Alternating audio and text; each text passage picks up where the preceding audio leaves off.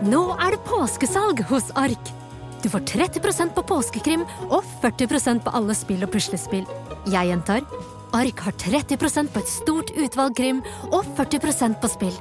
Det er mye påske for pengene. Så hamstre påskekosen i nærmeste Ark-butikk eller på ark.no. Hei og velkommen til Femihelse, en podkast om kvinnehelse fra A til Å. Og jeg heter Helene. Og jeg heter Sigrun. Og vi har startet denne podkasten fordi vi mener at det bør snakkes mye mer om kvinnehelse. Så la oss snakke. Ok, Da ønsker vi velkommen igjen. Eh, mitt navn er Sigrun, og dette er Helene. Ja, og Vi driver da podkasten Femihelse. Um, som jeg begynte å si i stad, så er jo dette både et arrangement her på Kvinnehelsehuset i Bergen, men også en podkastinnspilling. Så det vi snakker om i dag, alle de samtalene som vi snart gleder oss til å ha, de skal vi slippe som en podkastepisode. Um, som du kan finne der du hører på podkast. Mm, eller ikke hører på podkast. Det er jo også en del som ikke gjør det. Um, vi bare vil introdusere oss eh, kort også, for det er jo kanskje ikke alle som vet så mye om, om eh, femihelse. Men eh, til sommeren så har vi holdt på i fire år. Uh, og det har vært uh, Det var en reise som begynte med en sjokkerende opplevelse om hvor lite vi kan om egen kropp, rett og slett. Uh, og det er temaer som påvirker hverdagen vår, som prevensjon eller syklus eller angrepille, amming, alt mulig. Null peiling, egentlig.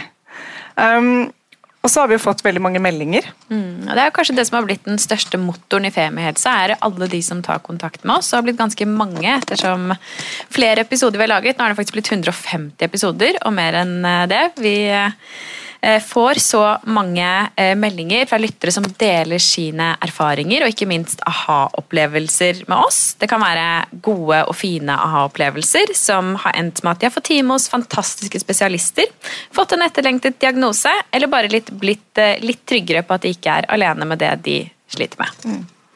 Fordi Det vi prøver å gjøre i Femihelse, er jo da å invitere inn en og en ekspert og stille alle de dumme spørsmålene. Litt som vi skal gjøre her i dag.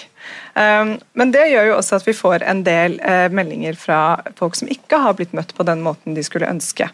Um, og hvor de har uh, blitt møtt av et system som har vært vanskelig å komme gjennom til, hvor det finnes lite forskning på det de lider av. og Endometriose er jo det klassiske eksempelet som tar syv til åtte år å bli diagnostisert som egentlig burde være en ganske smal sak. Og i hvert fall begynne å utforske at det tror jeg det kan være. Så vi, eh, Det er ganske mange av de vi snakker med som fortsatt kan synes det er vanskelig å snakke om kropp og helse. Og Noe av det er jo at man mangler et språk. Så vi prøver å være liksom brobyggere og bare ta språket litt ned. og snakke om disse temaene med eksperter på temaene på en enkel måte, sånn at folk liksom bare Aha, ok, det kan være det jeg har. Så Sigrun og jeg har selv funnet ut av ting under podkastinnspillingen. Um, jeg satt og hørte på da en gynekolog som heter Helena Enger snakke om PCOS. Og jeg plutselig bare Jaså, ja. Det er det jeg har, ja.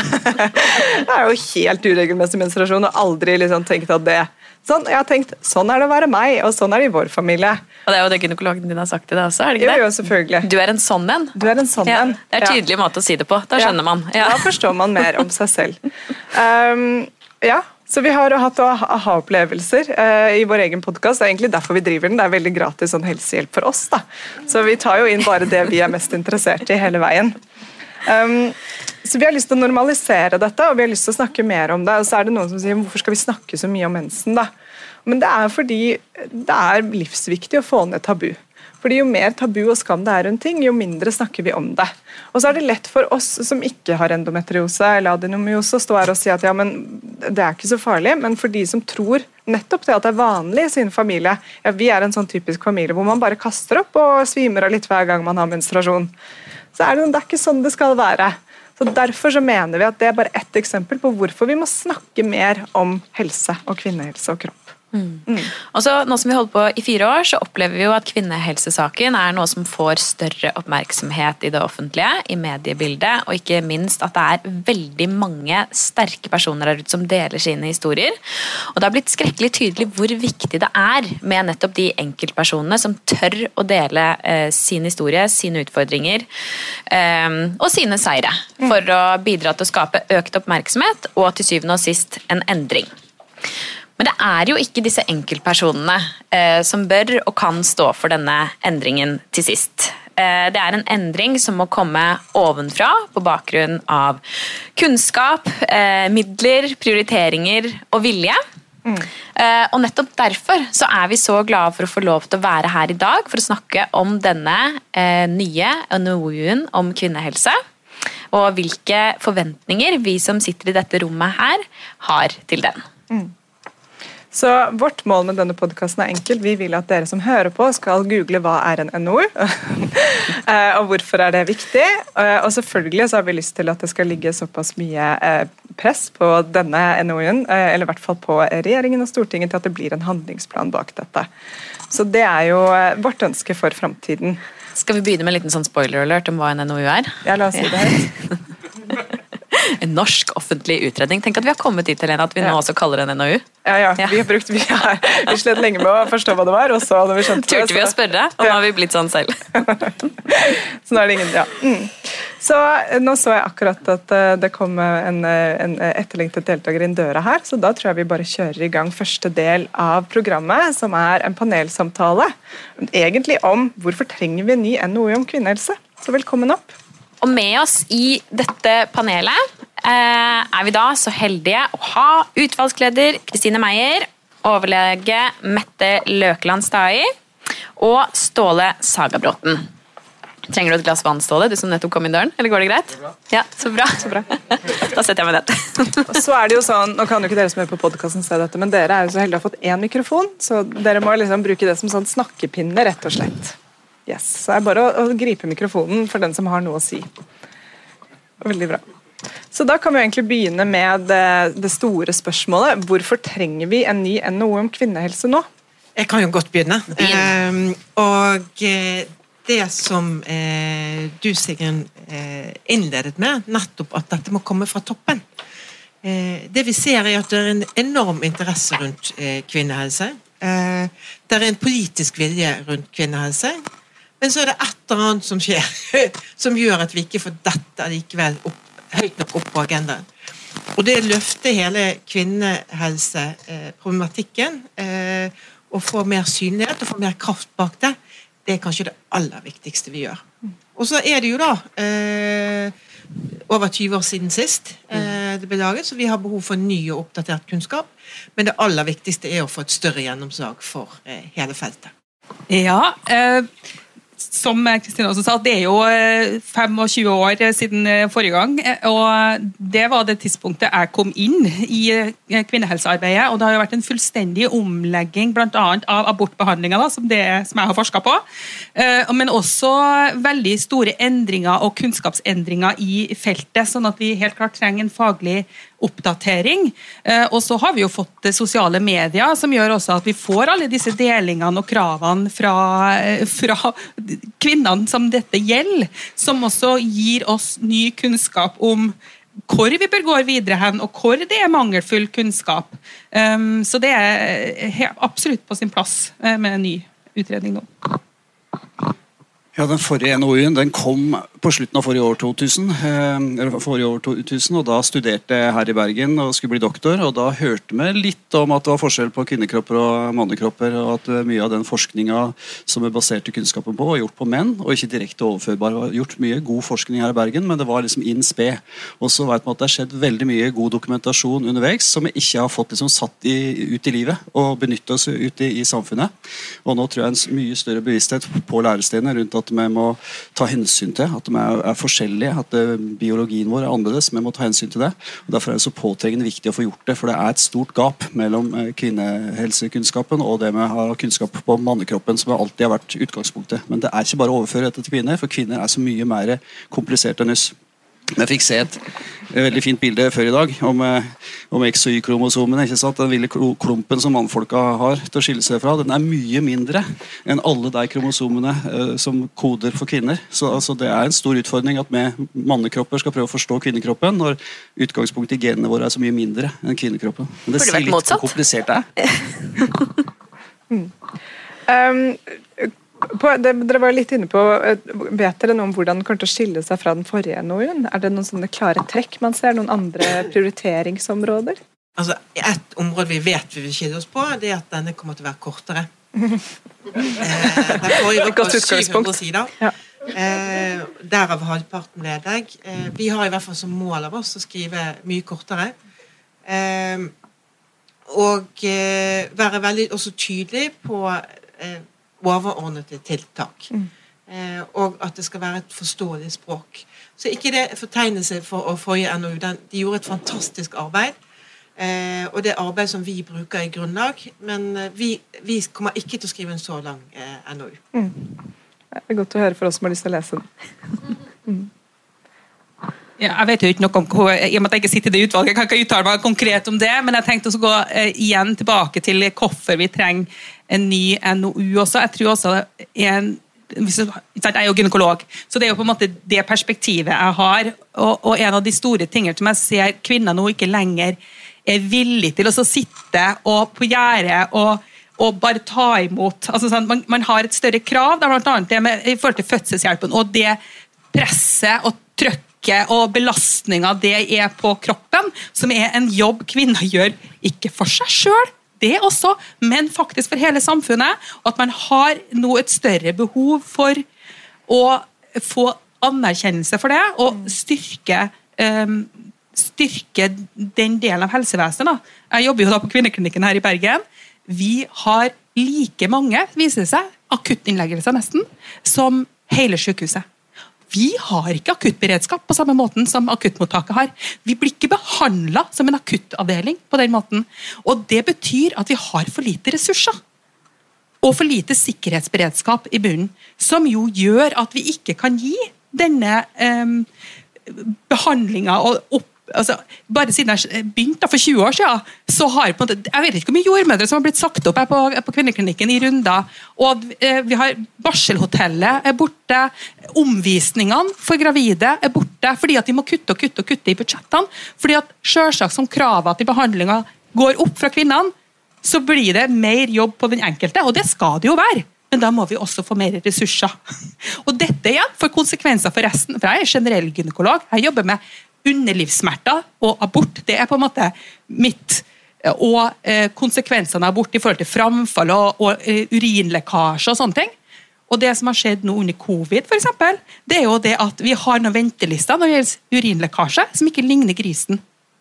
Fordi at det er det som kan skyves på, fordi det ikke handler om liv og død. Mens fødselshjelp og, og eh, kreftsjuk, det, handler om liv og død, og det kan vi selvsagt ikke skyve på.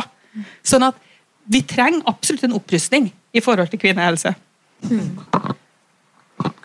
Og da tar jeg tråden videre. Siden jeg er fastlege, så representerer jeg på en måte førstelinja her. Og jeg har jo eh, godt samarbeid med jordmødre. Og jordmødre, fastleger og gynekologer er skjønt enige om at vi må styrke svangerskapsomsorgen og fødselsomsorgen og barselomsorgen. Alt det som skjer rundt fødsel. Det er jo hele utgangspunktet. Og forrige eh, statsminister, som var her fra, fra byen, eh, hun ville jo ha opp fødselstallet. Og skal vi få til det, så må vi da styrke liksom, tilbudet rundt kvinnene. Men så er jo det er bare begynnelsen på livet, ikke sant? men med å følge hele kvinnelivet. Og det har jo da utvalget fått eh, spesielt oppdrag å se et livsløp i dette her. Og du nevnte urinlekkasje. Da er man kanskje over på kvinner i overgangsalder og etter overgangsalder. Eh, problematikken der er som er liksom alle livsfaser nå, så skal vi prøve liksom, å identifisere problemstillinger som eh, ikke er gode nok til å hjelpe kvinner med å legge til rette for. For det, det er jo ikke noe tvil om at kvinner de, de lever jo faktisk lenger enn oss mannfolk. Men det vi har lært underveis er at det har mer strevsomme liv. altså Det har mer eh, krevende livssituasjon som virker inn på hvordan kroppen deres også fungerer. Så det samspillet der begynner vi å ha ganske så mye kunnskap om. Ikke nok, ikke på langt nær nok, vi skal eh, kreve mer forskning òg på, på kvinne, kvinnekroppen. Men det er i hvert fall nok til at vi kan sette i gang tiltak. og jeg tenker at Det blir en liste med noen sånne konkrete eh, tiltak. og Hvis vi har for mange, så skjer det ingenting. Hvis vi har noen tydelige pekere på et eller annet som vi skal satse på, så skjer det sannsynligvis noe i andre enden. Og Det er i hvert fall jeg opptatt av. Men eh, det er jo Kristine her som er lederen, så det er hun som eh, på en måte sitter med rødpennen. Men jeg kan jo si litt om det. eh, For det er jo alltid fare for Dette er et veldig stort felt. Og noe av det utvalget har brukt mye tid på innledningsvis, er jo å prøve å spisse mandatet ditt og gjøre dette overkommelig på den tiden vi har. Og jeg tror at vi må, vi må jobbe ganske hardt for å bli forståelig i, i NOU-en. Og som jeg sier, vi må kommunisere på en måte som gjør at dette får gjennomslag. Eh, at regjeringen faktisk tar denne NOU-en opp og gjør den til konkrete tiltak. Eh, og da eh, må vi ikke da liksom oversvømme av alt det som skjer på, på felt, men vi må gjøre en ganske eh, skarp prioritering. Og det blir ikke en lett jobb for oss. Det har vi fortsatt foran oss. Det er jo superinteressant. fordi det er, Når jeg hører byrden også av å bære barn ikke sant, og, og føde og, og, hele den, men en annen byrde som også ligger på kvinner, er jo prevensjon for det meste. Um, og, og, den forskningen som kommer fram på, på f.eks. p-pillers påvirkning på tarmflora eller psyken osv., det, er, det er superinteressant og skremmende. da. Så, og så er det mange tiltak som gjøres med ja, nå skal yngre og yngre få gratis p-piller. Det er veldig bra på noen ting, og så kan det være uh, ganske skummelt på en del andre punkter. da. Så det er jo et kjempefelt. Og det vi i Femihelse får sånne ukentlig irriterende aha-opplevelser. Som er da um, Jeg har veldig Etter at jeg ble liksom 35, så fikk jeg kjempeproblemer med PMS. En tenderer mot PMDD, som er den store søsteren. Og har prøvd antidepressiver og alt mulig. Og så fikk jeg høre um, at man anslår at det er 5 av Norge, altså kvinner som har en alvorlig grad av PMS.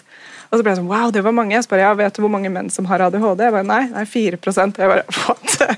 og er, men Selvfølgelig skal man forske på ADHD og menn, men de aller fleste ikke vet engang at det fins liksom en alvorlig grad av PMS mens de aller fleste har hørt om ADHD. Så blir jeg sånn, ja. Så vi får i hvert fall sånne hver eneste dag så blir det sånn Å nei, nytt, en ny ting. en, en, ny, liksom, et nytt livsløp, en ny fase, en ny hormonfase. en ny ting, det er bare sånn, ok. Så jeg skjønner, Den jobben må jo være noe av det tøffeste. og bare, ok, så kanskje en ny NOU neste år, er det? Fortsetter. Altså, vi må begynne et sted. Eh, og eh, jeg tror den viktigste jobben vi gjør, det er å, å få opp dette feltet. Mm.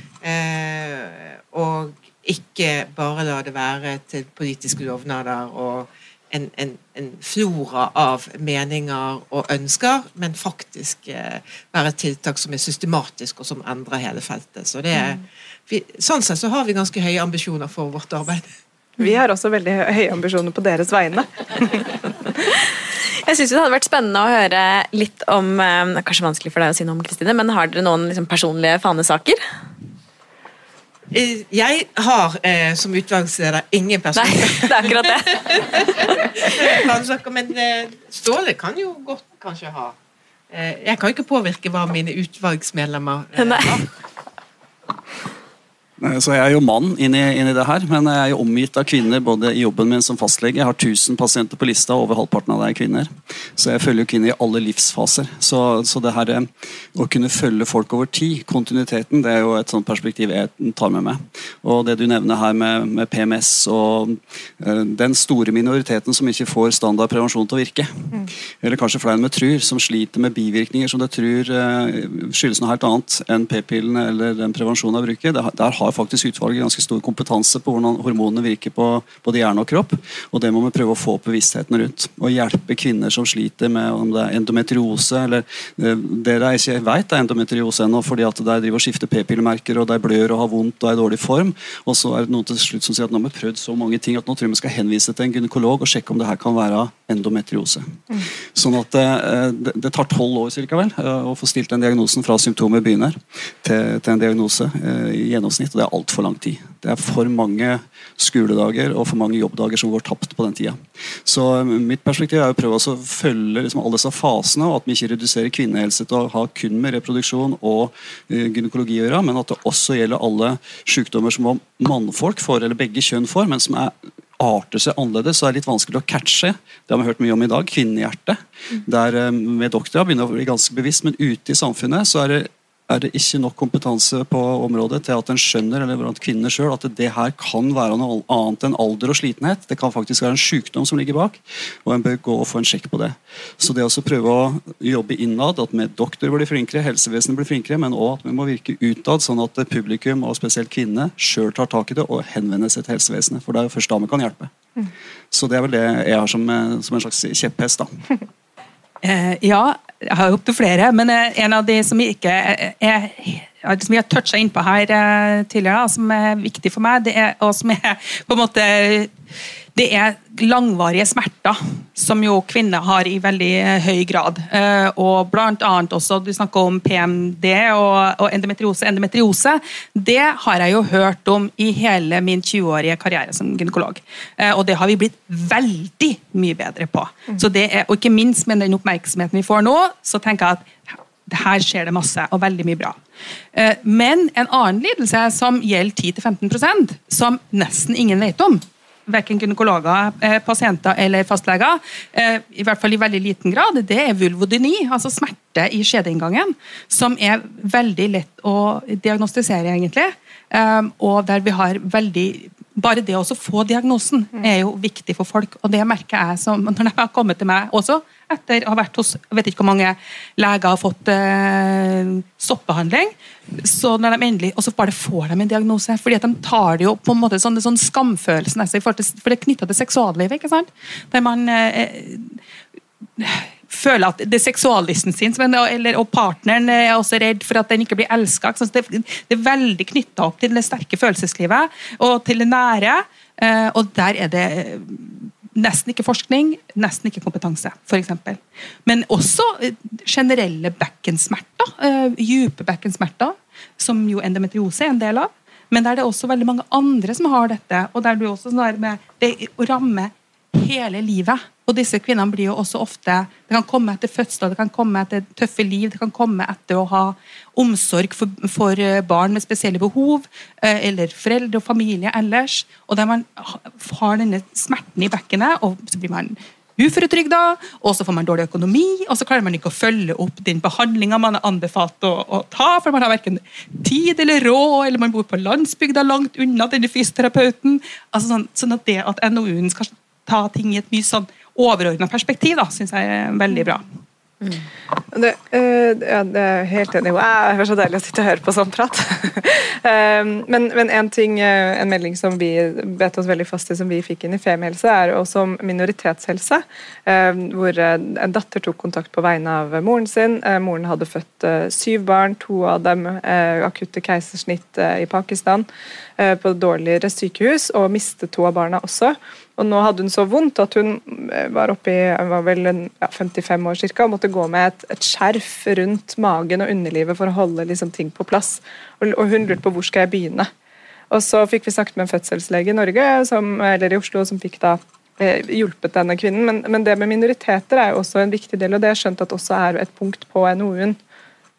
Ja, altså både eh, altså minoriteter, eh, funksjonshemmede, samer eh, og også de som ikke har det så godt. ikke sant? Eh, opprinnelig var vi også bedt om å se på kvinner i fengsel, og det kommer vi fortsatt til å gjøre.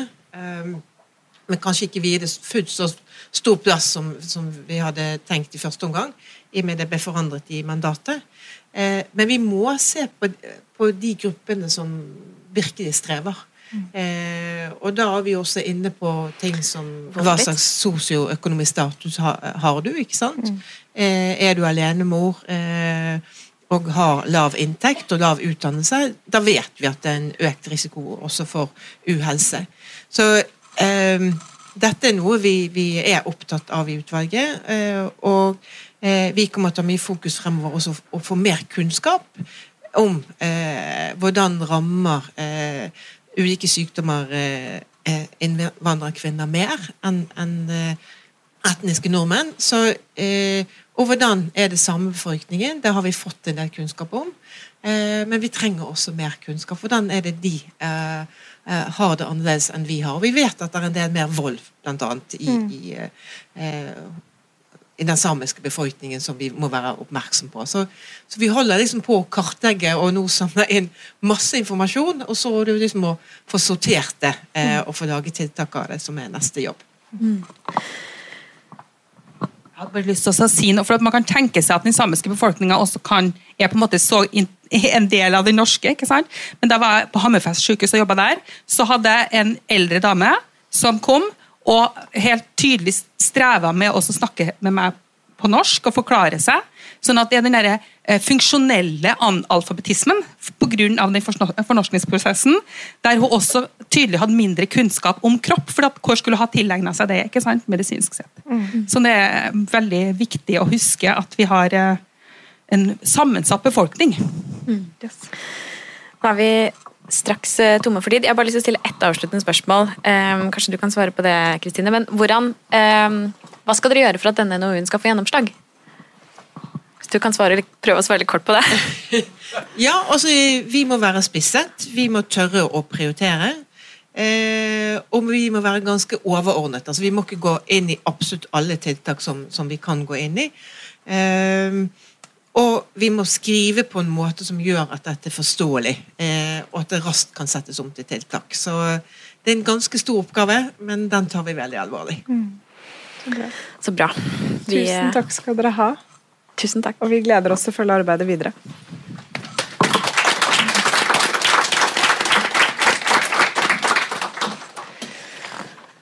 Da skal vi over til et tema som allerede har vært nevnt uh, uh, oppe i sofaen her. og det er Teasing, vil jeg kalle det. Ja, teasing om uh, kvinnehjertet. Så Da vil vi gjerne invitere Eva Gjertz og Maja Lise Løken opp i sofaen. Koselig å kunne invitere noen opp i en sofa, syns jeg. Ja, vi burde hatt litt smågodt, kanskje ja. et pledd. Vi har litt twist, ja, twist her. Ja. Tente lys har vi ja. Hallo, så hyggelig. Sånn, nesten litt starstruck vi vet når det kommer sånn eksperter på kvinnehelse opp i sofaen til oss. Sånn, I hvert fall etter å få se, få se, dere live nå etter å ha vært to år på, på videoinnspilling. Mm. Vi pleier å begynne episodene våre egentlig med å be gjestene våre om å introdusere seg selv. Eh, så kanskje dere kan si kort hva dere heter og hva dere jobber med, og kort om bakgrunn. Og da må vi bruke snakkepinnen. Ja, nærme. Hei, jeg er Maja-Lisa Løken. Jeg bor i Tromsø. Der jobber jeg som professor i forebyggende medisin på UiT Norges arktiske universitet. Og så har jeg en bistilling som overlege på hjertemedisinsk avdeling på Universitetssykehuset Nord-Norge, avdeling Tromsø. Hei, jeg er Eva Gertz, og som Maja-Lisa så er jeg utdannet hjertespesialist. Jeg er professor ved Universitetet i Bergen, og så er jeg overlege ved Haukeland universitet. Så fint. Mm. Um, vi begynner eh, på basisen, som vi pleier. Um, kan du si noe om hva som skiller kvinnehjertet fra det mannlige hjertet? Ja, det er mange ting. Jeg kan begynne, så kan Eva supplere meg. Eh, jeg kan ta de store linjene. Eh, hjertet er jo en muskelpumpe, først og fremst. Og kvinnehjertet er mindre enn mannehjertet. Det er både mindre i i dimensjoner på selve hjertepumpa, men det er også mye eh, mindre kranspulsårer. Det er de årene som ligger utapå hjertet, som forsyner hjertemuskler med det livsviktige surstoffet eller oksygenet. Så det er mindre dimensjoner. Eh, I tillegg så er det forskjeller i det elektriske ledningssystemet som sørger for at hjertet faktisk slår. Og de forskjellene eh, er på det er ikke så lett å se med det blotte øyet. Eh, de er på mikronivå. og Det fører til at f.eks. Eh, enkelte medisiner eller legemidler kan virke forskjellig på kvinnehjertet sammenlignet med mannehjertet, og ikke bare på kvinnehjertet, eh, men egentlig på hele kroppen. Medikamenter kan ha andre virkninger, andre effekter, andre bivirkninger. Slik at det, disse forskjellene som både går på anatomi, da, altså strukturer, men også på funksjon, eh, gjør at kvinnehjertesykdommer, eller hjertesykdommer, eh, som er egentlig vanlige både hos eh, menn og kvinner, de arter seg forskjellig hos kvinner og menn. Vi skal komme tilbake til det, tror jeg. Men jeg hadde lyst til å bare si til deg, Eva, kan ikke du forklare litt om kjønnskromosomene, for det er du så god til? Ja, eh, nå, eh, nå, er det jo sånn at vi kvinner vi har to eh, X-kromosomer, og menn har da ett X og ett Y-kromosom. Og alle cellene våre har jo dette kjønnet. Sant? Så, så det er viktig å være klar over at hver enkelt celle har det samme kjønnet i hele kroppen vår. Og, og, det som er ny kunnskap her, det er jo at vi vet jo at kvinner og, og, og Y-kromosom er ansvarlig hos menn for produksjon av testosteron, det mannlige kjønnshormonet. Og hos kvinner så er det X-kromosomet, og det er kvinnelige kjønnshormoner, og først og fremst østrogen. Og eh, disse eh, hormonene har vi jo kjent til hvordan eh, påvirker eh, da eh, kvinnekroppen generelt, men også eh, det som var tem tematikken tidligere, med svangerskap og reproduksjon og, og, og forskjellige slike ting. Det som er viktig med hjertet, det er at ny forskning viser at på X-kromosomet er det mange områder som påvirker hjertefunksjon, eh, og også hjernefunksjon og immunsystemets funksjon. Og dette er jo ny kunnskap som vi bare skraper på toppen av egentlig i dag. Og som sikkert vil gi veldige muligheter for å forstå bedre hvorfor kvinnehjerte og mannshjerte i mitt tilfelle eh, er eh, forskjellig, og også gi ideer til hvordan sykdommer som rammer dette organet, kan behandles mer kjønnsspesifikt i fremtiden. Da svarte du jo egentlig på vårt neste spørsmål. Er det nok kunnskap om kvinnehjertet? Nei, Hun har ikke svart på alt, skjønner du. Nei, ja. Så bra. Fordi at det, hvem, er det vi, hvem er det som skal ha kunnskap? Mm. Og det var eh, eh, våre, eh, våre, venner som satt i sofaen i stad. De var inne på det. Hvem skal ha kunnskapen? For det første så må jo kvinnene ha kunnskap selv. De må jo vite om eh, hva, som, hva som er Eh, de typiske kvinnehjertesykdommene, hva som er symptomene, hva som er risikofaktorene. Eh, og eh, det har vi ikke egentlig kunnskap om hvordan det er i dag. Landsforeningen for hjerte- og lungesyke de gjorde en undersøkelse i 2007 der det kom fram at halvparten av de norske kvinnene som ble spurt, de ante ikke at, at kvinner kunne få hjertesykdom, og de visste ikke noen ting om hvilket symptom man da kan forvente seg eller skal kjenne etter. Så det var jo alvorlig. Jeg vet ikke om det er blitt noe bedre da, det vet jeg ikke. Um, og de visste heller ikke at kvinner og menn kan ha uh, forskjellige symptomer på hjertesykdom. Uh, slik at uh, Dette er noe vi ikke vet. Hva, hva vet kvinnene? Og så er det, det at det, det fins en god del kunnskap. Um, Eva sier at vi bare skraper på overflaten. Det er sikkert riktig, men vi kan ganske mye. Men den, det er ikke sikkert at den kunnskapen når fram til verken kvinner eller til fastlegene, som er de nærmeste til å, til å ta imot kvinnene når de kommer med sine plager. Eh, slik at jeg er ikke sikker på om utdanningen av våre legestudenter er god nok. Eh, jeg er litt usikker på det. Eva kan supplere meg etterpå. Eh, og dessuten, så hvis du skal liksom vite om disse forskjellene, så må du jo også være som helsearbeider må være litt interessert. Mm. Jeg vet ikke om alle er så interessert i det. Av våre kolleger. Jeg vet ikke. Ja, dette med, eh, med, folkeopplysning og utdanning, det er jo vanvittig viktig. Og jeg må jo si da rapporten kom i, i 2020, eh, var det vel, eh, fra Kilden kjønnsforskning, som viste at vi ikke underviser kjønn i helseutdanningene. De, de undersøkte både legestudie, sykepleie, vernepleie, psykolog, fysioterapi. Sånn. Det var en vekker å, eh, å få den eh, rapporten.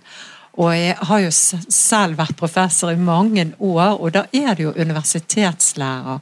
Og un underviser morgendagens eh, fastleger og andre leger. ikke sant? Og det er klart det at det, det er et viktig punkt for å sørge for at ny kunnskap kommer inn i behandlingen.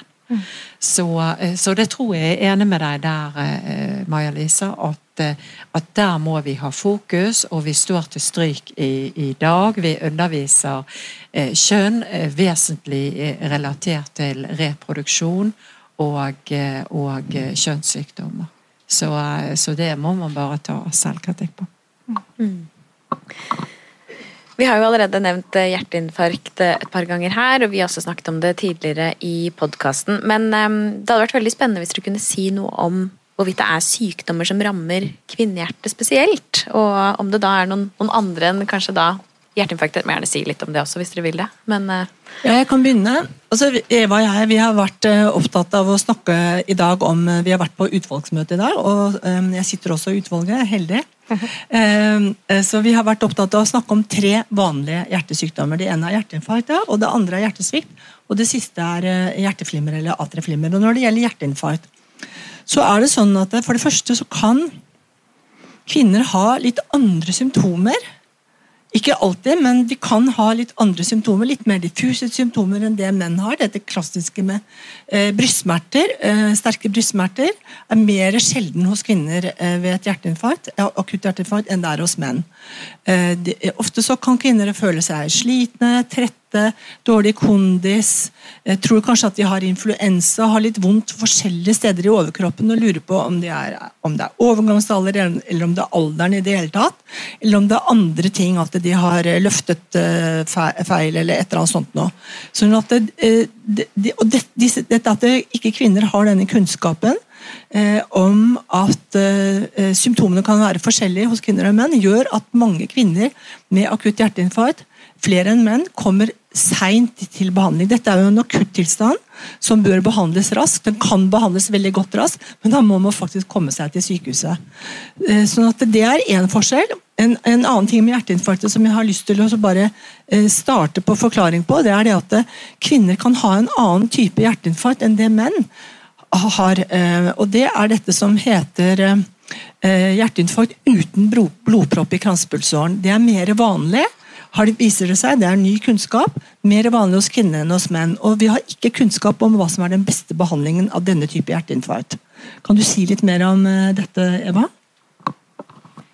Eh, jeg vil starte med å si det at eh, kvinner og menn får i all hovedsak de samme hjertesykdommene, men at man får litt ulike varianter av de samme hjertesykdommene.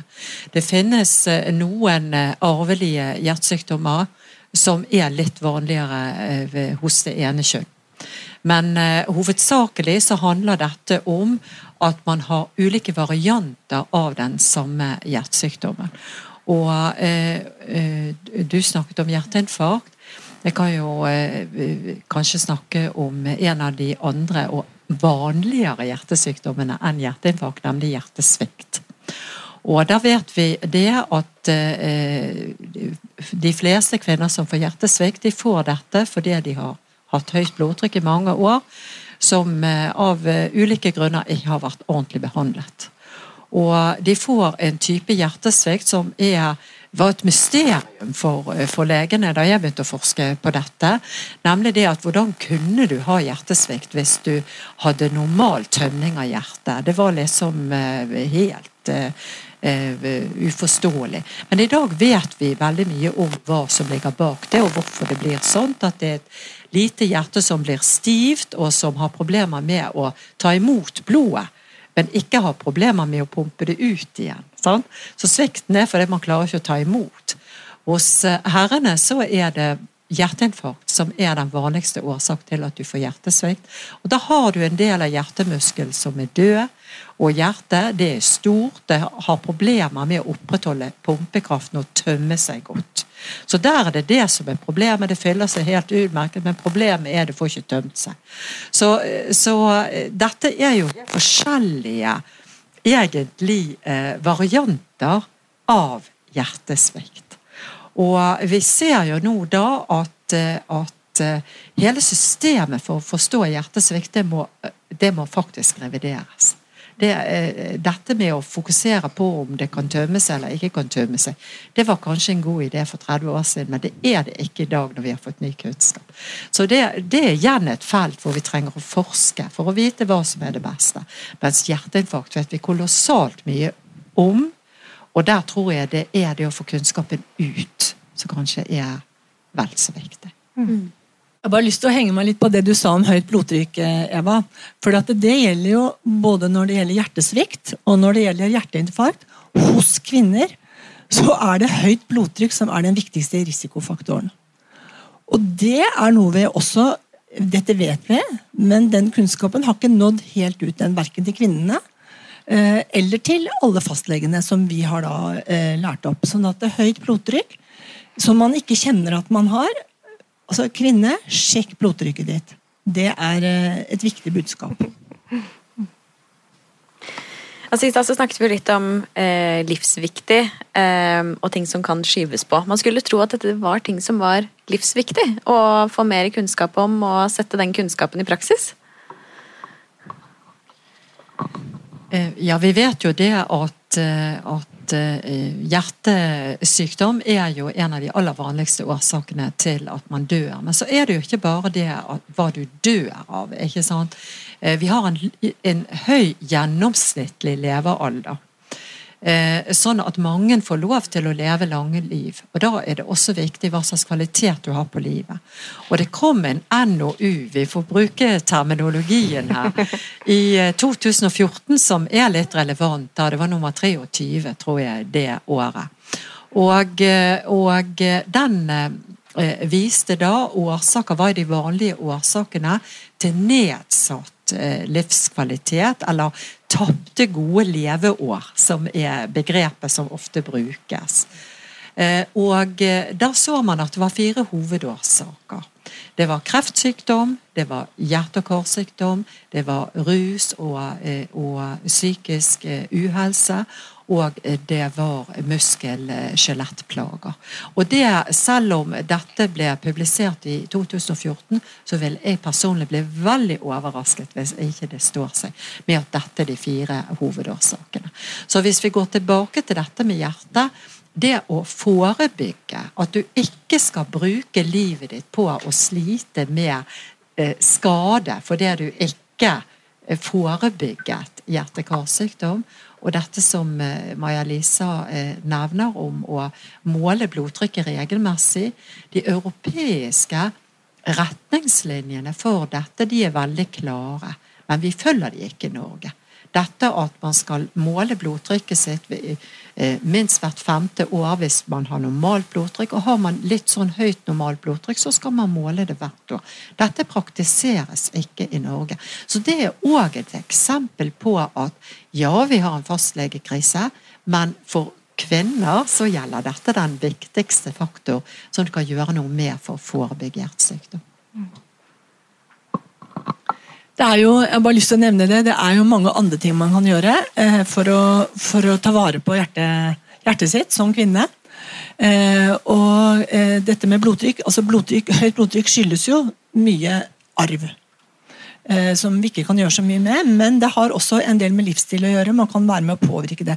Det man kan gjøre selv, er selvfølgelig å gå til fastlegen og få målt blodtrykket sitt, men man kan påvirke det ved å være fysisk aktiv, ved å spise hjertevennlig kost og holde en noenlunde normal vekt. Vi vet at vekten stiger eh, i Norge, både blant kvinner og menn. Eh, sånn at Et viktig mål tenker jeg, for eh, kvinner er å holde, prøve å holde en, en, en, ikke for høy vekt. Det er kjempeviktig.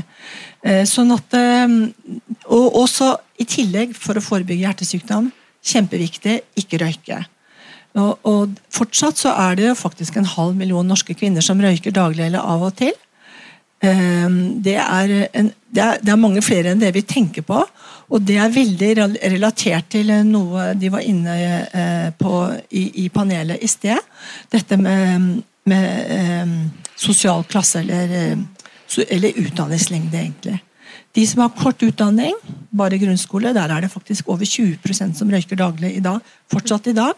Dette viser tall fra Statistisk sentralbyrå og FHI. Mens de som har lang eh, eh, utdannelse, høyskole eller universitet, er det under 5% Sånn at eh, det er en del ting kvinner kan gjøre selv. Mm. Nå begynner vi å nærme oss eh, slutten her. Eh, jeg kunne pratet med dere for evig om kvinnehjerte. Men eh, hvorfor mener dere da at det er viktig at dette er et område som skal belyses gjennom NOU-en? Nei, Det er jo fordi at uh, her har vi mye kunnskap som uh, vi ikke tar i bruk. Og det er klart at kunnskapen den Hvis vi ikke tar den i bruk, så har den liten verdi. Og dette er da kunnskap som er veldig viktig for kvinners helse. Så, som bestemmer mye over hvordan du skal ha det i livet ditt, og ikke bare når og hva du dør av. Jeg har lyst til å avslutte med eh, å si at det, mye av det vi har snakket om nå, det er litt sånn skjult. Det er litt skjult for kvinnen, det er litt skjult for også helsevesenet. Selv om det er den nest vanligste årsaken til for tidlig død blant kvinner. Mm. Tusen takk skal dere ha. Det var veldig fint å få pratet med dere her oppe i sofaen. Så takk. Tusen takk.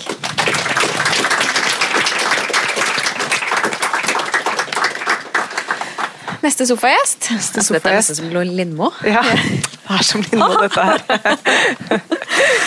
Ja, nå skal vi bevege oss fra kvinnehjerte til eh, minoritetskvinner og bruk av flerkulturell dula. Ja, og et lite bonustema på slutten som vi ikke avslører helt enda. Nei. Men eh, velkommen opp, Anita Prante.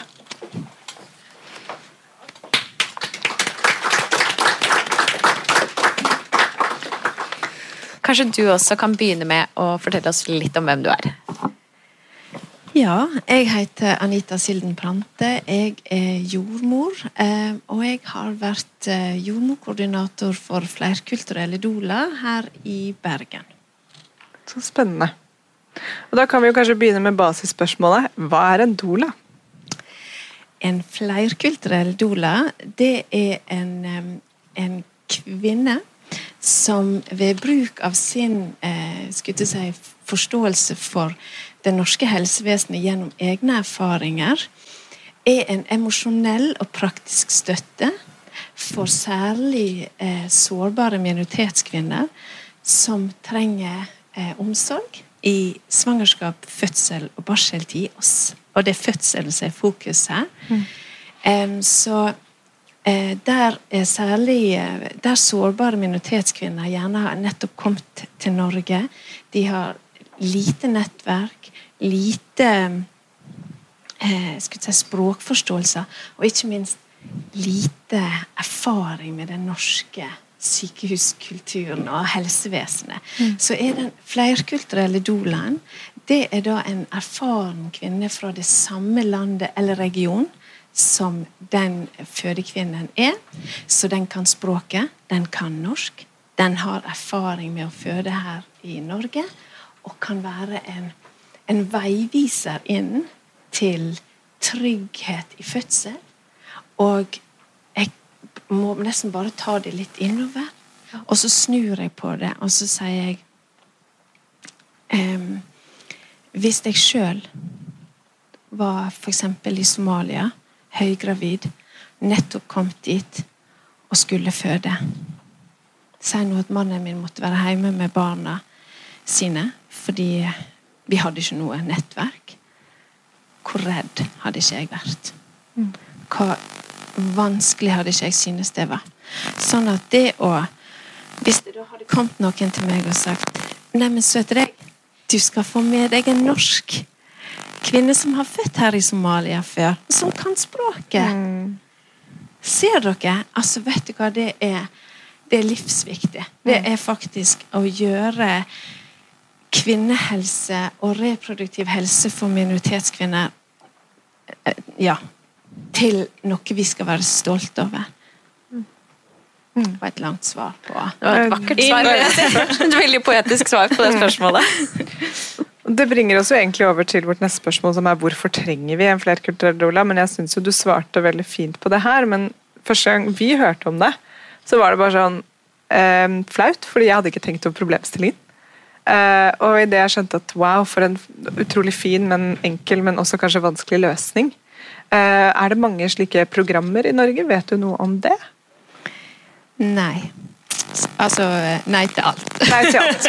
Derfor Vi vet at det var i Oslo, men jeg, har ikke, jeg er usikker på om det fortsatt er. Og så vet jeg at det var her i Bergen, men det er oppe og går fortsatt. Ja da. Så det praktiske er at i dag så tilbys det her på, på seks ulike sykehus i Norge. Vi har å forvente at i år så skal vi gi 160 minoritetskvinner dette tilbudet.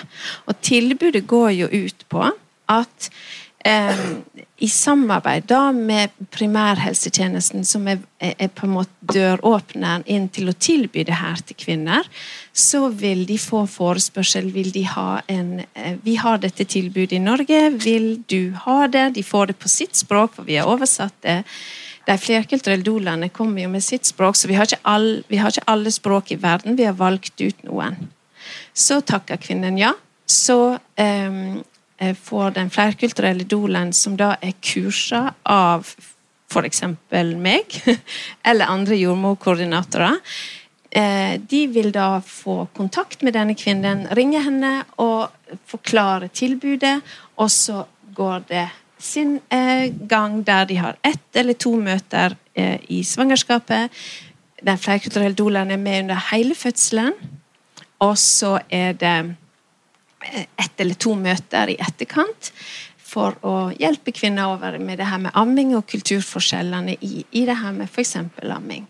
Den flerkulturelle doulaen er lønna av NKS. Mm, yay. Og det er fantastisk. Og nå er de um, ja, der er de enkelte helseforetakene som har det her tilbudt. Der vil det være en frikjøp av eh, en jordmor, en viss prosent av en jordmor, til å besørge og koordinere det her, til å lære opp de flerkulturelle doulaene og til å følge opp opplevelsene. Både opplevelsene til den flerkulturelle doulaen, men også hvordan oppleves det for personalet, og ikke minst eh, ja, eh, hvordan opplever de flerkulturelle doulaene å, å gjøre jobben. Så de gjør en jobb, og det som er genialt med det, er jo at flerkulturell doula er òg en integreringsmulighet. eh, mm. Så det er integrering på sitt beste. Vi integrerer fødekvinnen, gjør de trygge inn i det norske helsevesenet. Det gir, gir de en god fødselsopplevelse.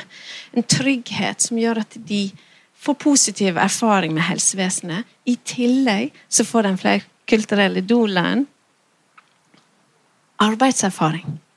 De blir ansatt. De får en fot innenfor arbeidslivet. Og dette her er så viktig. Og, og ikke bare er det liksom fødekvinner som blir integrert, det er hele familien. Mannen, barna Det blir gjerne et nettverk i etterkant der disse her eh, flerkulturelle doulaene, eh, som da er i samme nettverket som den fødekvinna, vil kunne hjelpe og støtte hverandre i ettertid. Ja, det er kjempefint. Altså, det jeg sitter og tenker litt på, Vi snakker selvfølgelig om trygghet og å være en god støtteperson, men er det også noen fysiske grunner nå tenker jeg først og fremst på fødekvinnen, til at uh, dette er kjempelurt? Ja. Og, og eh, der skal jeg trekke fram at um, i Sverige så har de hatt det her en stund, og der viser forskningen at det er en svak positiv retning i at de har redusert risiko for akutt keisersnitt. De har redusert risiko for store fødselsrifter, og der er redusert risiko for barseldepresjon. Disse tre parametrene der vet vi er utfordrende for, eh, ja, for kvinner generelt, men særlig da der vi, der vi på mange måter står i, i eh, en utfordring med kommunikasjon. Sant? Det er jo eh, ikke å forvente at jordmødre og, og, og gynekologer og fødselsleger skal kunne språket. Og det kan være praktisk vanskelig å gjennomføre tolkesamtale mens man driver og trykker ut et barn. Ja, dette er jo helt logisk. Sånn at eh, eh, en flerkulturell doula er ikke en tolk. Tolk en beskytta tittel, skal brukes til det. Men en flerkulturell doula kan være kultur og, eh, si, kulturtolken eller formidlingen av eh, hva som skal skje her. De har blitt kursa, de vet hva som kan forventes, de vet ca. hva som skal skje, og så kan de betrygge kvinnen. Eh, Jeg liker å trekke frem det her med at vi vet jo at alt Idet du kommer inn for sykehuset, så er det gratis. Alt er gratis. Men det er langt ifra sånn i de fleste andre kulturer. Så er der en, eh, der ligger en økonomi i det her. Ting er ikke nødvendigvis eh, gratis bare fordi du kommer på sykehus. Så det å trygge dem på f.eks. at ja, men i Norge så er keisersnitt gratis. Så hvis vi kommer i den situasjonen at det barnet du bærer nå ser ut til at det har det bedre utenfor magen enn innenfor, og vi gjennomfører et akutt keisersnitt, så vil det ikke ramme din familieøkonomi. Bare den lille detaljen kan være utrolig betryggende. Og det er den her kulturtolkningen, da. Den her Ja. Ja. Nesten det er gratis, Anna, men da tar jeg keisersnittet. Det. Mm. Ja, veldig fint. Så dette forskes også på her, eller man følger da opp for å se resultatene av hvordan programmet fungerer? Ja, nå er det en ph.d.-student, heldigvis, eh, sørpå, eh, som skal se på effekten. Og, eh, og særlig få tak i både de flerkulturelle dolene sin erfaring, men òg de som benytter seg av tilbudet, sin erfaring. Og, og, og, og det er så viktig å forstå at per nå så er finansieringen nesten litt sånn fra hånd til munn. Ikke det? Ja. Der vi nå har klart å sikre 2022.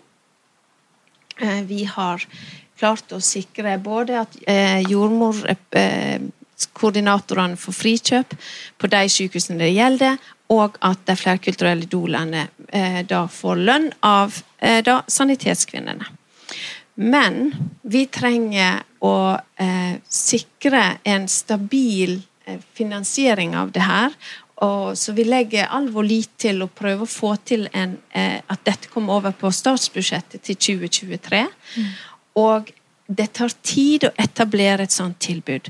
Tar, vi må være tålmodige og målbevisste. For det er sånn at vi eh, Dette her skal skape Det skal ryktes at det er trygt for de som tar imot tilbudet.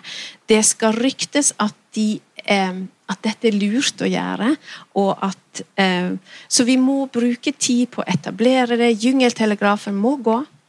Og eh, for hver suksesshistorie så må vi dele den. Men det tar tid. Så tålmodighet og målbevissthet er så viktig for, å, eh, for det her. Og la oss høre hva neste spørsmål er, for jeg Ja, det var veldig fint. det. Det, var et nydelig svar på et spørsmål jeg selv ikke husker, men jeg syns det var ja, ja. Jo, det handlet mer- mer om forskningen på det, at det er en Ja. ph.d.-student mm. som ser på resultatene av dette. Ja. Det, jeg synes jo sånn, altså jeg, Det er derfor jeg ikke forsker, for jeg syns det virker åpenbart at dette er en god idé, og at Ja. resultatene kommer til å være gode. men Er eh, ikke dette grunnen til at du burde forske? Jeg har bestemt meg på forhånd. Ja. Men eh, Anita, du snakker jo mye om uh, trygge opplevelser, og hvor viktig kunnskap er når det kommer til å uh, være trygg i egen kropp. Um, og det er jo en eh, fin bro over til din neste fanesak, Ja. um, som er jo dette med overgangsalder. Og du eh, er jo veldig opptatt av det. Um, hvorfor tenker du at det er viktig at eh, dette temaet også inkluderes i den nye NOU-en? Eh, jeg brenner så for eh, jeg si kunnskap og kunnskapsformidling og eh, den delen av kvinnehelse at det er nesten sånn at ordene stokker seg. Så jeg skal prøve å være tydelig. Eh, men eh, bom, der gikk hjertet av gårde. Jeg vet dere at eh, når det gjelder overgangsalderen, og særlig de tidlige tegnene på overgangsalder, så har kvinnen i gata store kunnskapshull. På samfunnsnivå så har det vært en stillhet. En stillhet som har ført med seg at ting er blitt tabu. Det er omgitt av skam, og kvinner lider i stillhet. Og stillheten skaper et em, en, Det påvirker kvinners egne opplevelser, det påvirker familien deres. Og det kvinner trenger så sårt, det er god, saklig, forskningsbasert, nøytral informasjon om hva de kan forvente. Hva inneholder overgangsalderen? Hva kan jeg forvente? Kvinner i dag blir kasteballer fra den ene spesialisten til den andre til den tredje fordi de har diffuse plager, de er sykmeldte. De forstår ikke hva som skjer i kropp og hode, og de leter desperat etter svar. Og den, det, det kunnskapshullet, det gjør at vi i dag em, ikke har ikke har adressert det godt nok. Det er rett og slett en, en Jeg vet ikke om dere eh, For meg som sitter her med min erfaring, som får daglige meldinger fra kvinner, så er det det at jeg skulle ønske jeg visste mer. Så det som jeg håper, det er at ved å sette det her på agendaen, så kan vi òg få til, sånn som vi har vært innom tidligere i dag, eh, en kommunikasjon, en formidling, en standardisert informasjonsmulighet til å besvare kvinners spørsmål. Uten at de trenger å, ty til Dr. Google eller Jungetelegrafen eller eh, mindre suboptimale eh, informasjonskilder. Vi anbefaler jo sterkt en suboptimal informasjonskilde i vår podkast. Og det er at man skal eh, spørre moren sin om når hun kom i overgangsalderen.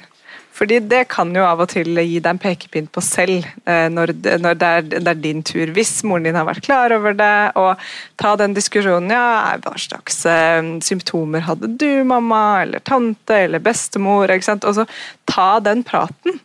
Og det er jo da Et klassisk eksempel er, er, det å få vite litt om det hvite. Da vet man jo også kanskje når, om man må skynde seg med å få barn eller ikke. Uh, så jeg har jo uh, eksempler på venninner som har fått beskjed av moren som har vært litt sånn Burde ikke vente med for lenge med å få barnebarn, og tenkt at det var mass. At det var bare sånn der, du er bare keen på å strikke luer og, og små body. Og så senere skjønt sånn nei, shit, nei, fordi i vår familie så kom vi ganske tidlig i overgangsalderen. Det kunne du kanskje sagt litt mer eksplisitt, da. Um, så den kommunikasjonen, det er i hvert fall det rådet vi pleier å gi. da, at liksom Snakk med, hvis du kan og har muligheten, mor, eh, andre familiemedlemmer, kvinnelige sådan, om hvordan var overgangsalder for deg? Når begynte den, tror du? Eh, også som du sa innledningsvis, Anita, dette med det er et tabubelagt mm. tema. Mm. Um, så at vi også snakker mer om det generelt. Mm. Og eh, Der vil jeg gjerne trekke frem at i, i det her kunnskapshullet så det, det, står vi i fare for at de kvinnene som trenger å vite hva symptomene er, og som er yngre enn 40 år, at de vet det sånn at den her eh, myten om du er for ung til å uh, være i overgangsalderen, at den kan parkeres. Sånn at vi kan forebygge hjerte-karsykdom og forebygge um, store lidelser på enkeltmennesker. Mm. Kjempefint. Tusen takk, Anita. Mm.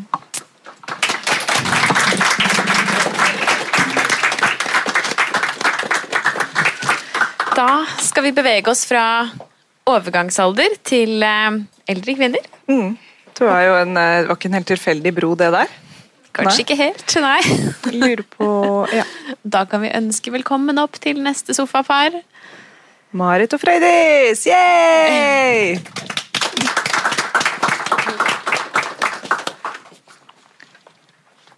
Så fint. Herlig. Ja, så bra. Der er talepinnen. Ta den ene av dere, og så fortell oss gjerne hva dere heter, og eh, litt mer om hvem dere er. Hvor mye skal vi tøyse? jeg kan begynne. Eh, jeg heter Frøydes Frøydis Bruvik, og jeg er sykepleier. Jeg har jobbet i mange år på demensfeltet. Det på en måte fanget meg eh, når jeg jobbet en periode på Olaviken som Norske kvinners sanitetsforening eier. Så det er liksom Ja. Eh, når det var snakk om å være her på Helsehuset, så var det veldig kjekt å si ja til. Nå jobber jeg som førsteamanuensis på universitetet Eh, der har vi et masterprogram, en tverrfaglig master, så vi tenker vi skal utdanne eh, en yrkesgruppe som kan bidra til å møte morgendagens utfordringer i forhold til aldring og helse, arbeid og helse og sosial ulikhet i helse. Alt dette er relatert til kvinner. Jeg heter Marit Stordal Bakken. Jeg er geriater. Det betyr at Altså er hvor pediaterne, som mange kjenner til, er spesialister på barn og deres sykdommer, så jobber geriaterne med de gamle med sammensatte sykdommer og komplekse problemstillinger. Så er jeg førsteamanuensis eh, ved UiB og jobber også som forsker ved Nasjonalt kompetansesenter for legevaktmedisin. Og får geriatrien inn i primærhelsetjenesten også. Mm. Det er så deilig for oss to alltid å sitte sånn ah, Ok, og vi har en podkast. det er en raskere introduksjon. Vi gjør andre ting også, så det er ikke det. Um, Basisen også? Ja. ja. Kan ikke dere begynne med å fortelle oss litt om Er det noen forskjell på helsen til eldre menn og eldre kvinner i Norge i dag? Mange forskjeller, eh, tenker jeg. Men jeg har lyst til å begynne med å tegne kartet litt. Altså, det var nevnt tidligere at Eh, kvinner lever lenger enn menn.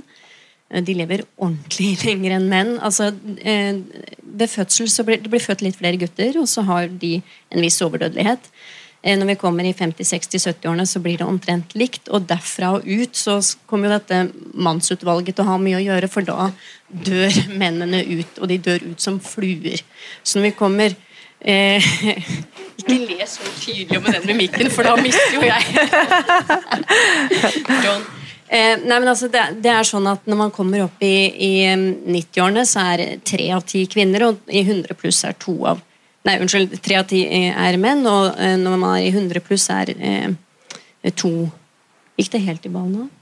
Jeg prøver å se på det. 100 pluss er eh, to av eh, åtte. Altså ja, to av ti- 100. Nei, må, jeg tror du må se på tallene. Unnskyld.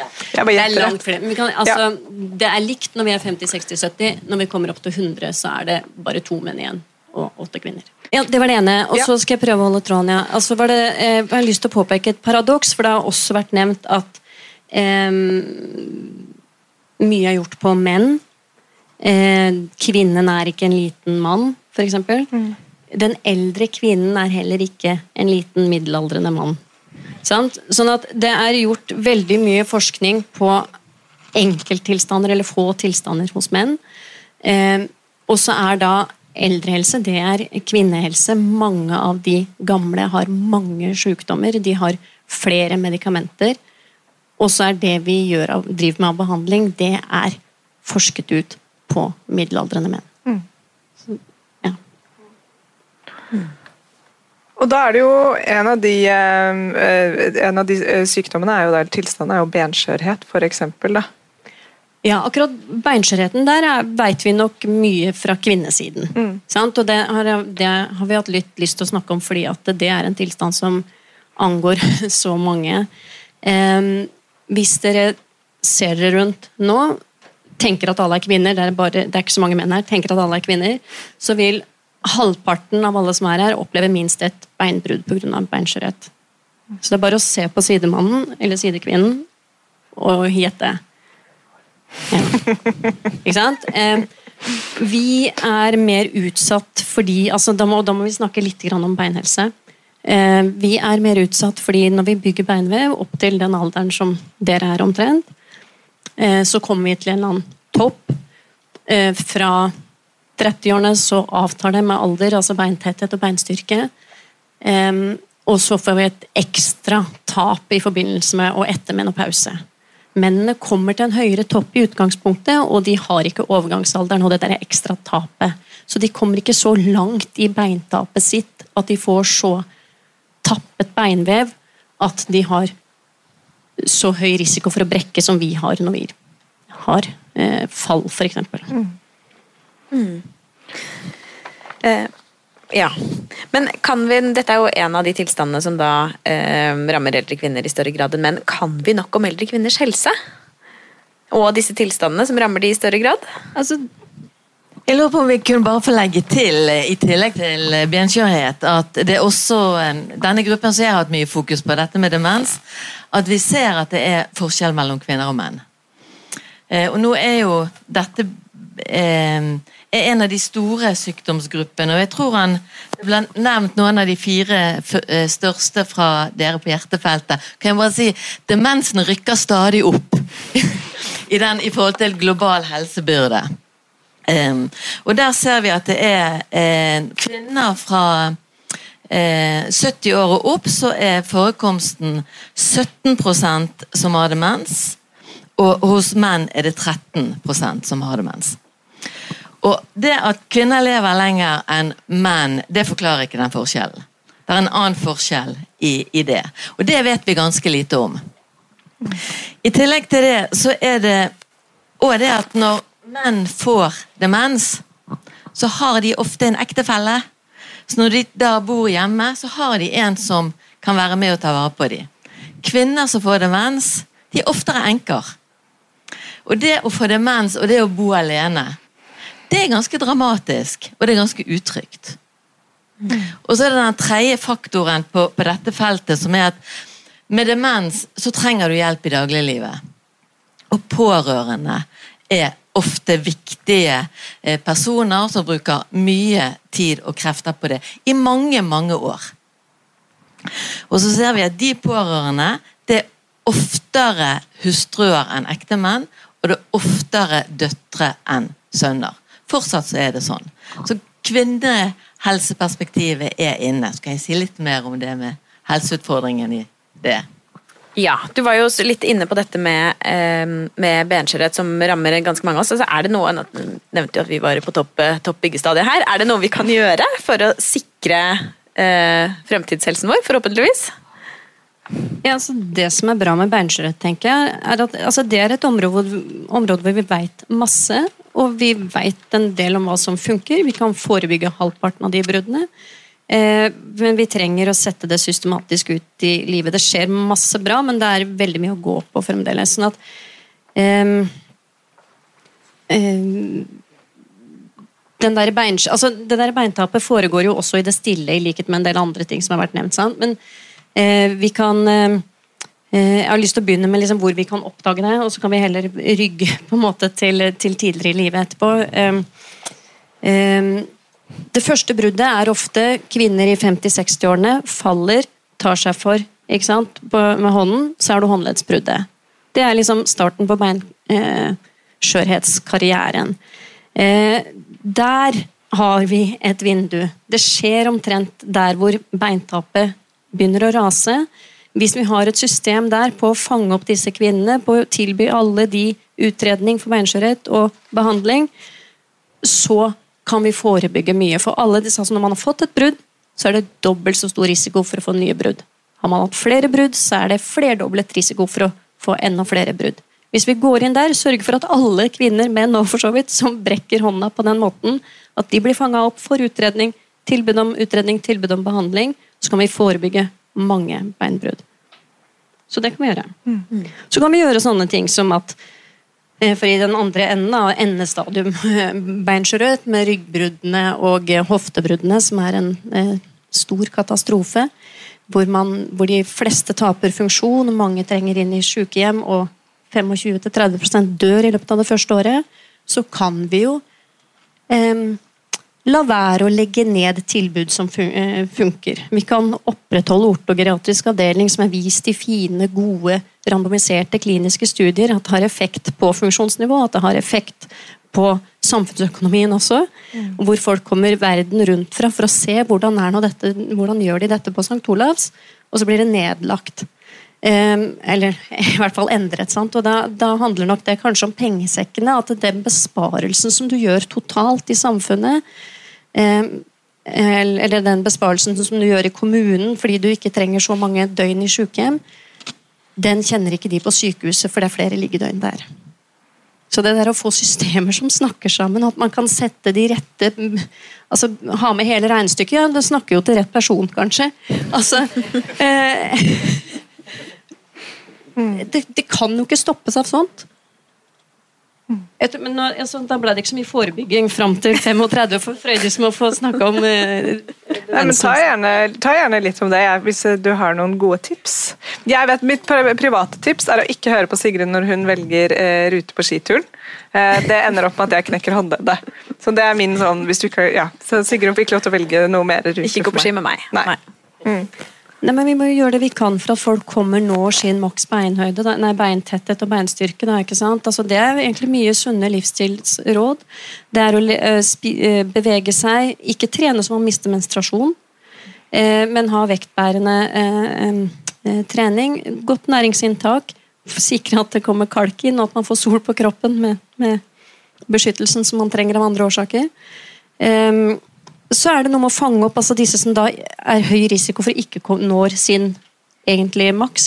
De som har spiseforstyrrelser, de som har autoimmune sykdommer som kvinner har mer av, sykdommer som gjør at du får dårligere næringsopptak, stoffskiftesykdommer som påvirker beinhelsen. Altså, De må vi jo fange opp. Mm. Mm. Og røyk og alkohol er ikke noe sjakktrekk for beinhelsen, det heller. Ok, Vi får gjøre så godt vi kan. Ja, prøve. Jeg har ikke lyst til at jeg skal si mer. Det høres ut som røyking og alkohol er ikke godt for noe. Heller ikke demens. Eh, I forhold til dette her, om vi har nok eh, kunnskap om, om eldre kvinners helse, så eh, har jo vi ikke nok kunnskap om denne forskjellen i forekomst av demens mellom kjønn.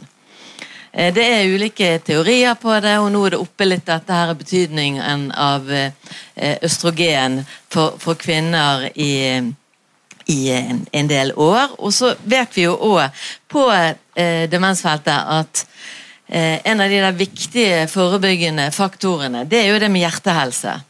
Eh, så hvis den kunnskapen vi har på hjertehelse i større grad forebygger demens hos menn, så har vi kanskje noe å vinne på det. Eh, og så vet vi dette at eh, pårørende til denne pasientgruppen er en veldig sånn utsatt gruppe. Eh, de eh, faller ut fra jobb, eh, de blir sosialt isolert, de får eh, fysisk uhelse, de bruker mer legemidler enn eh, andre pårørende grupper. Og det er flere studier som viser at de også får kortere levetid. Så det å stå i de rollene er krevende, og det, det produseres pasienter gjennom det. Så der har vi lite gode systematiske tiltak på å eh, si, forebygge det. Ja. Ja, er vi gode nok til å generelt sett fange opp sykdom hos eldre kvinner, da? Eh, det er jo litt sånn det vi, vi har hørt i flere ting i, i, dagen i dag, så vi kan jo ta en sånn uniont nei her. eh, eh nå har jeg Altså dette eh, aldersperspektivet og det med, med eh, demensperspektivet, og der er det helt soleklart nei. Mm. Så, og det er vel kanskje litt uh, utgangspunktet for hele det arbeidet som gjør at vi er samlet. Mm. Eh, for Marit, Da vi snakket sammen på forhånd, så snakket du noe om at, kan, altså at man kan presentere sykdom og symptomer på andre måter. Eh, for at man derfor kan bli bedre til å fange det opp. Ja, det er et viktig tilleggsaspekt. Altså de, eh, forskjellen kvinner og menn er én ting, som har vært snakket om, men de eldre kvinnene de blir på en måte ja, dobbelt ikke sett. Altså når man blir eldre, så med aldersforandringer så får du mindre ressurser, mindre reservekapasitet. Du tåler påkjenninger dårligere. Så har du kanskje sykdommer som påvirker hva du har av symptomer og tegn. Du har kanskje medikamenter som påvirker deg. Du har medikamenter som påvirker puls og blodtrykk, som er parametere vi er veldig vant til å drive og støtte oss på når vi skal finne ut om folk er syke eller ikke.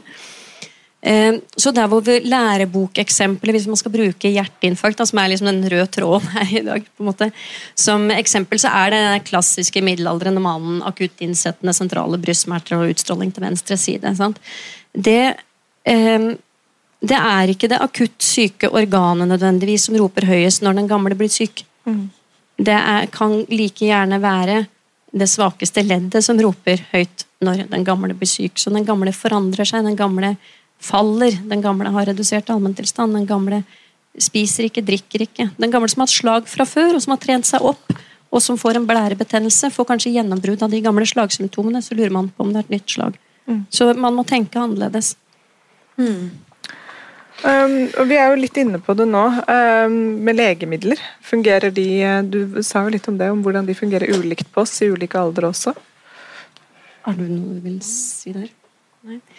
Eh, da kan vi jo egentlig gjenta litt det som også har blitt et mantra. altså det at den gamle den lille, gamle damen er ikke en liten middelaldrende mann. sånn at når vi blir eldre, eh, nyrefunksjonen avtar betydelig fra vi er 40 og utover, vi går ned i vekt, kroppssammensetningen forandrer seg, vi blir eh, tørrere og fetere med tiden. sånn at eh, Ja, det kjentes godt. Sånn at det gjør noe med hvordan legemidlene fordeler seg i kroppen. Mm. Så det er liksom den ene siden. Sant? At omsetningen av legemidlene blir annerledes. Den dosen som passer til en stor voksen mann, den passer ikke til en 45 eh, kilos 85 år gammel dame. Mm. Det er liksom det ene. Og det andre er at når man får mange legemidler, så kan de eh, påvirke hverandre. Altså, da, da, blir liksom Vi må ta langt mer hensyn. da. De kan slå hverandre i hjel. De kan Ja, det er mange ting. Mm. Det er mange ting. Mm. Ja. Så fint. Um, eller ikke fint i det hele tatt. Det sånn, så fint at du snakker om det. Ja. ja, for det jeg sitter og tenker, og så blir jeg sånn ah, Ok, det er enda en ting. Er ok, bra. Dette er liksom det, det der femihelsehullet Sigrid og jeg har liksom begynt å gå ned i, som er bare en uh, Ja. Som vi tar med dere da, inn i Um, er det noe dere har lyst til å oppsummere med, eller um, har vi begynt å komme til veis ende, Sigrid? Hva tenker vi? Ja. Ja. Eh, på forhånd så snakket vi litt om dette her, om, om eldre menn og kvinner fikk lik tilgang til helsehjelp. Ja. Mm. Det har jeg lyst til å slå et slag for, at her er det litt urettferdig.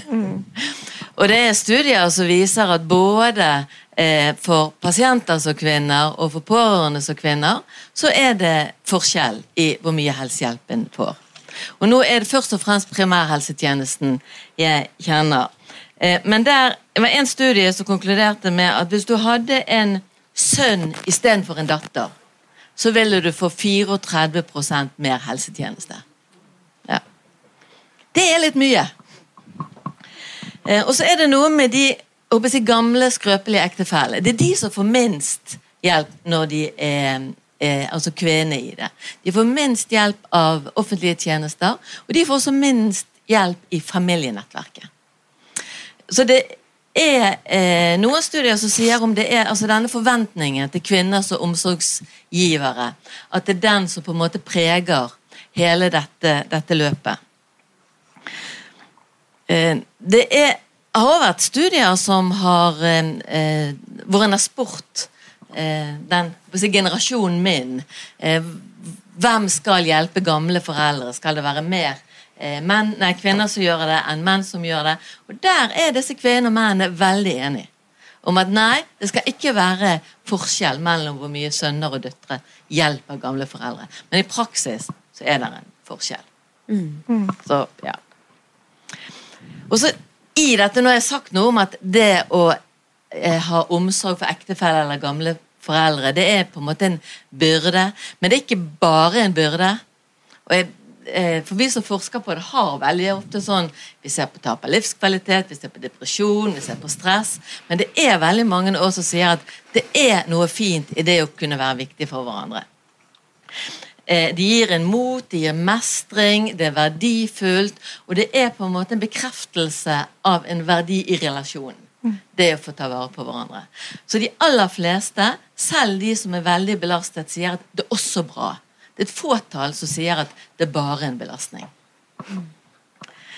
Nå har vi vært litt sånn på aldringsfeltet, så har jeg lyst til å på en måte legge til dette her med denne beryktede eh, aldersbølgen. Vi liker å, å, tenke at vi er i en sånn der vekstindustri hvor, hvor, vi skal ha mye å gjøre fremover, vi som forsker på dette. Ja, det er næring i vekst. Um, og vi vet at uh, med flere eldre, og vi ser for oss at det er flere eldre, flere kvinner, um, flere pårørende, og vi trenger flere i disse kvinnedominerte yrkene. Men når man ser på disse her, uh, altså økning i levealder fra 2005 til 2015, så var det for kvinner en økning i levealder på 1,7 år. Og da må dere merke dere, Det var 1,6 år friske år, og så var det 0,1 år syk år. Så det betyr at denne eldrebølgen den vil jo føre med seg veldig mange sånne friske kvinneressurser. Det syns jeg vi skal slå et slag på. Ja, det synes jeg. Tusen takk, dere to. Mm. Veldig spennende å snakke med dere også. Altså, ja, for en Ja. kunnskapsfest dette er. Ja, virkelig. En liten applaus.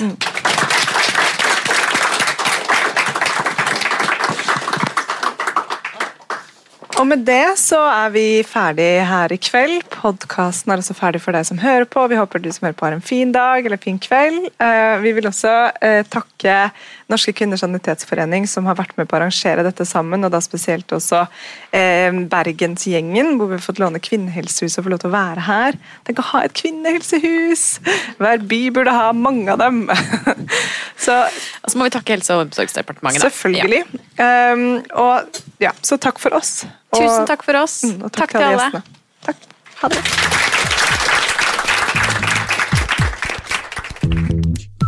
Tusen takk for at du hørte på podkasten vår. Selv om det forhåpentligvis kommer tydelig frem, så vil vi understreke at vi ikke er helsepersonell. Ja, så Som vanlig, kontakt legen din om du har noen spørsmål eller om du skal begynne på noen form for behandling. Og har du et tema som du har lyst til at vi skal snakke om, eller noe ris eller ros, så send oss gjerne en melding på Facebook eller på Instagram. Der finner du oss under Femihelse. Og du kan gjerne rate oss på iTunes, det er skikkelig hyggelig for oss. Ha en fin dag! Ha en kjempefin dag!